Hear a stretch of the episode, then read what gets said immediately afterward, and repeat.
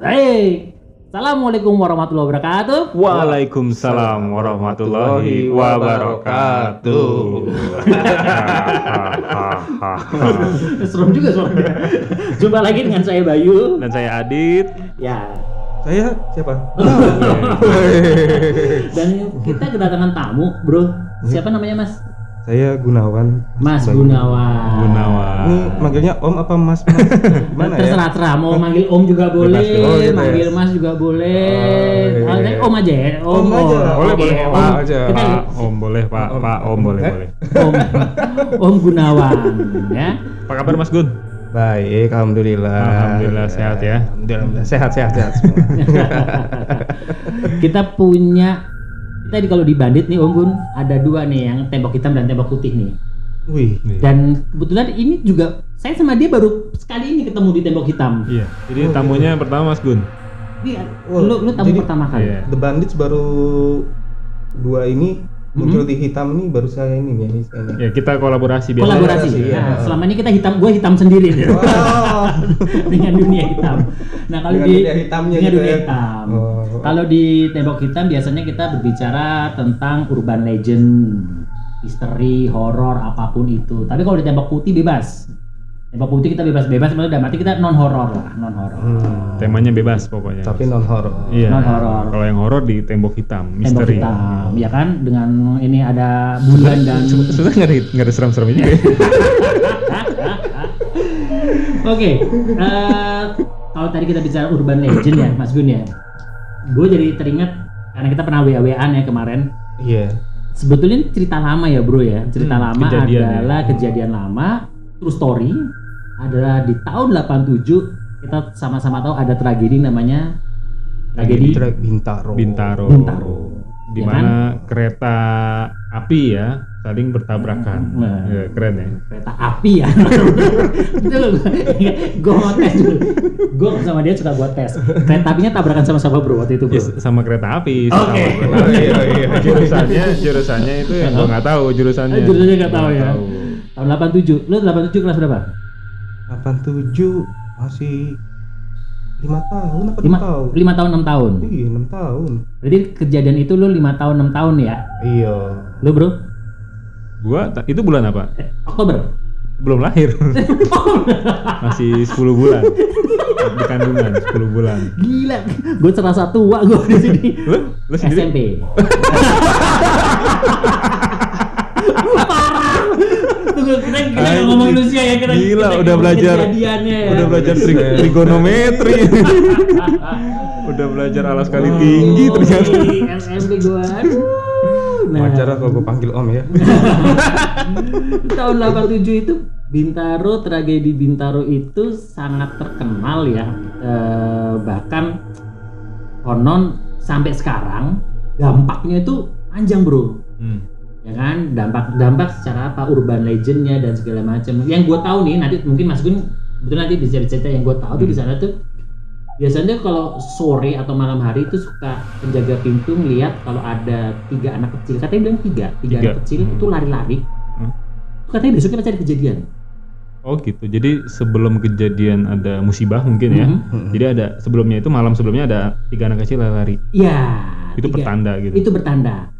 Dan ya ini Mbah Mbah Mbah Bayu mau katanya Mbah dulu. Mbah Yu ya. Mbah Bayu. Jadi jadi dulu gini, di situ pernah juga terjadi pembantaian di saat ETA pejuang tanah air kita dari Banten menuju ke Batavia itu kereta katanya jalur udah ada. Itu pernah pejuang-pejuang kita meninggal ditembakin di situ naik kereta. Tapi tempat tempatnya sih jalur itu juga. Di jalur itu juga katanya. Oh, jalur itu ya. Tapi Jalur kan itu. bukan belum tentu di yang Di lokasi yang sama. Nah, di Iya. lokasi yang sama kan. Oh, gua nggak tahu ya. Mungkin satu rel satu Iya. rel itu ya, tapi gua nggak tahu tempatnya di mana. Tapi ada cerita di situ, pejuang dari Banten, ya kan. Hmm. Nah, kebetulan kedatangan lu nih. Lu kan mung- mungkin nggak akan mungkin cerita peristiwa Bintarunya Nah, makanya kan? gue mau nanya.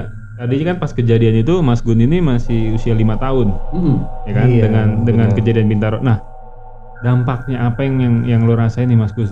Mas Gus maksudnya kayak kenapa kok bisa bisa lo dekat dengan kejadian itu di tragedi Bintaro? Iya, karena kan waktu SMA dulu kan sekolah sekitar situ gitu Hmm. kan. Nah, banyak tuh Deket-deket rel situ ya. deket-deket rel situ lah. Tuh, Nah banyak tuh cita-cita dari temen kan, yang temen Hmm. SMA itu emang lokasi rumahnya daerah situ. Hmm. Dia bilang lah, wah banyak kejadian di sini waktu kejadian dulu. Gitu, banyak nih korban-korban ditaruh di sekitaran sini sebelum diangkat ke rumah sakit dan sebelum dimakamin dan itu dalam keadaan maaf ya ini nggak utuh gitu Hmm. banyak ba- eh, anggota-anggota tubuhnya yang ya Hilang. hilang seperti itu itu teman yang cerita begitu kan Jadi temen lu cerita dulu, jadi ceritanya waktu dulu tahun 87, kecil, ah, iya. itu Kan- jadi korbannya di depan taruh di Oh. depan sekolah lu itu. Bukan, Iya. di depan-depan sekolah situ ya. di sekolah sama di daerah situ ada namanya kayak eh, apa tempat ini ya balai rakyat ya Oh, Oke. nah di situ juga banyak tuh karena balai rakyat itu nggak nampung Mm-mm.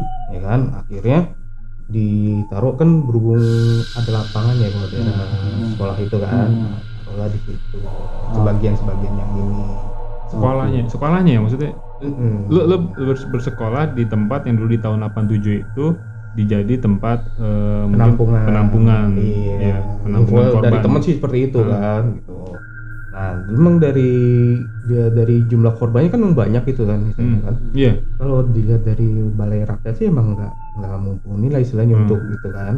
Makanya dia posisi sebelah sana. Dan emang posisinya sih dulu ada jalan lintas ya dari itu kan masih panjang tuh kan Hmm. dari tabrakan tuh entah dari bagian paling belakangnya atau itu lebih deket ke arah sekolah oh, berarti berarti mas sekolah itu sekolahnya mas Gunung udah ada maksudnya di, di tahun berapa 87 itu Udah ada. Kalau Dan sekolah itu lagi udah dibangun lagi proses bangun oh lagi proses bangun Iya. proses bangun udah itu kejadian pula. Iya. Jadi man, jadi tukang juga itu nanti banyak di situ. kulinya kaget kali ya kalau lagi pas ada tabrakan gitu kaget ke astagfirullahaladzim nah, itu dia nggak ada. Nah. saksi dari polisi ya, ya itu Dan pastinya biasanya kalau kejadian kayak gitu baru bangun pula sekolahnya. Banyak korban di situ. Biasanya ya udah identik biasanya sekolah lo engkar ya kan? Biru. ada sesuatu ya ada sesuatu. Kalau dibilang Ah. kata temen kan bilang ada sesuatu gitu. Bisa cerita nggak mas Gun pengalaman-pengalaman waktu di sekolah itu mas? SMA berapa tahun berarti di SMA Nanya sama berapa tahun? Berarti tiga tahun ya? Iya. tiga tahun ya? Berarti ada nggak kejadian-kejadian yang lo alamin mas Gun tiga tahun? Ya kalau dari SMA mungkin kan karena posisinya udah yang katanya sih kalau di SMA itu dia maunya terima yang udah utuh-utuh aja ya istilahnya nggak yang potong-potong. Oh. Gimana gimana gimana maksudnya? Yang anggota tubuhnya komplit. Di mana, di SMA itu? SMA itu. Oh jadi mayatnya bisa di Di- Pisah. ada iya kan ada yang bagian itu Nggak di- bagian tengah. Kalau yang pisah nggak diterima berarti di SMA itu? SMA bukan nggak diterima cuma maksudnya kalau bisa yang masuk ke SMA itu yang Yang utuh. oh, utuh. kenapa Oke. gitu nggak tahu sih dulu mungkin dari yang orang punya- pinternya kali ya sama orang sekolah kali atau gimana kali kan dia nempatin. Hmm. sih. Nah terus kalau cerita ceritanya itu gimana?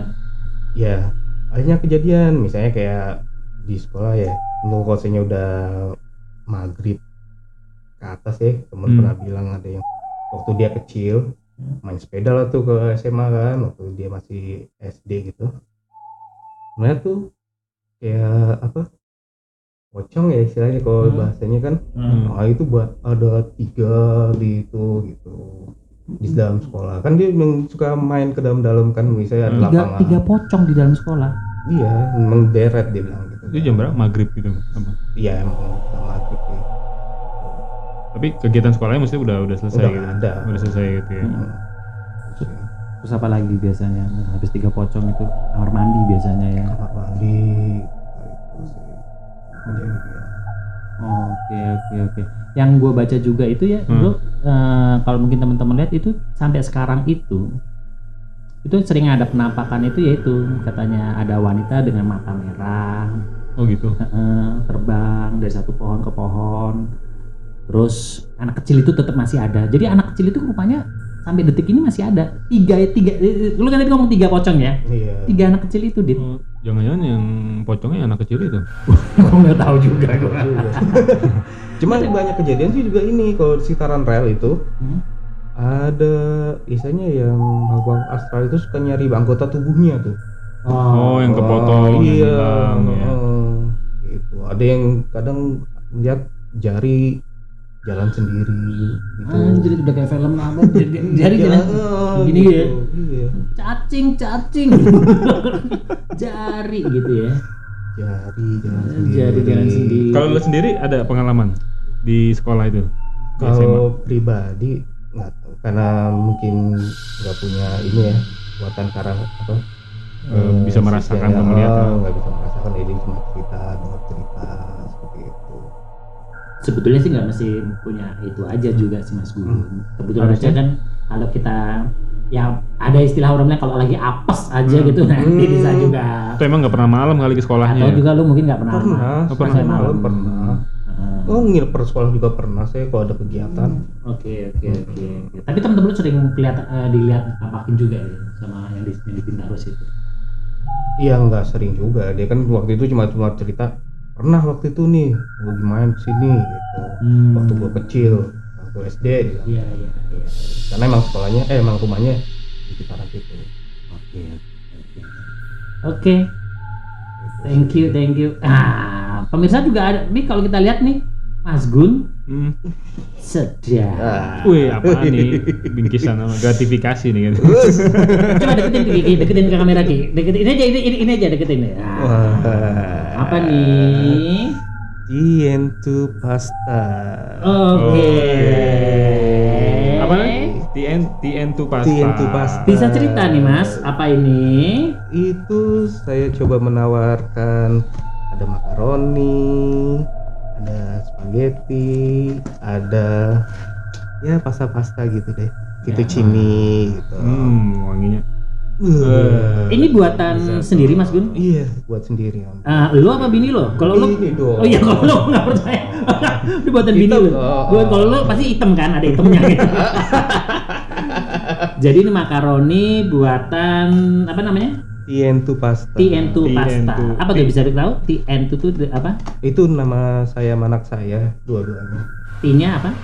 Eh, saya kan berhubung namanya dua-duanya Tio. anak saya Tio. Ah. Eh, sorry. Saya Tio, Ah, anak saya Tayo. Mm-mm. Ya kan?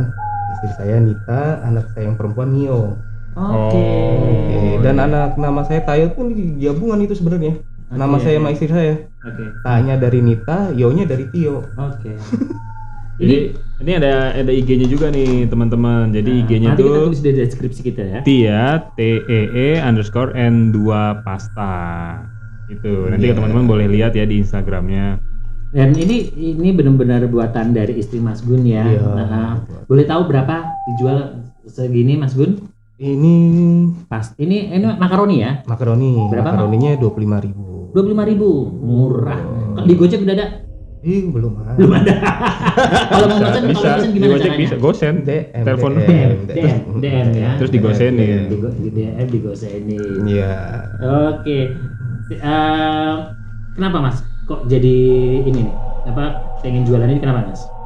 Ya, ini dari dulu sih sebenarnya pengen usaha gitu kan. Ah, ah, Apa gitu yang kira-kira bisa Iya. ini gitu kan. Kira-kira enaknya apa nih ya gitu. bola di luar Boleh. Barusan dapat dapat gangguan. sama teman-temannya Boleh, boleh. Jadi barusan anaknya Mas Adit minta izin lagi podcast, anaknya mau minta izin, Papa boleh main bola di luar sama teman-temannya? Boleh. anaknya Mas Adit sama Anaknya Mas Adit namanya Bayu. Budi. Hah? Bukan, bukan. Oh. Anaknya Budi yang main bola Mas lagi. Adit main bola sama anak gue. Mas. Tapi Oke, Mas. hebat loh anaknya yo, isinya izin pamit dulu. Iya, gitu. harus, harus. Itu tuh. Kalau saya nggak suka pamit. Anak gue juga nggak pamit langsung aja. Kalau saya nggak usah pamit.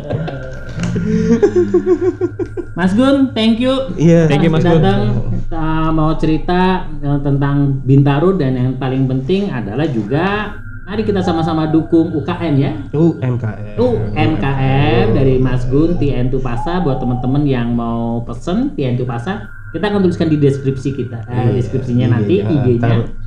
IG-nya IG-nya udah ada sih itu keterangan kayak gimana cara mesennya. itu sudah ada keterangan ada. sama misalnya. Tinggal dilihat ya. Tinggal di. Siap siap. Thank you bro. Thank you, Yo yo yo. yo. Yuk.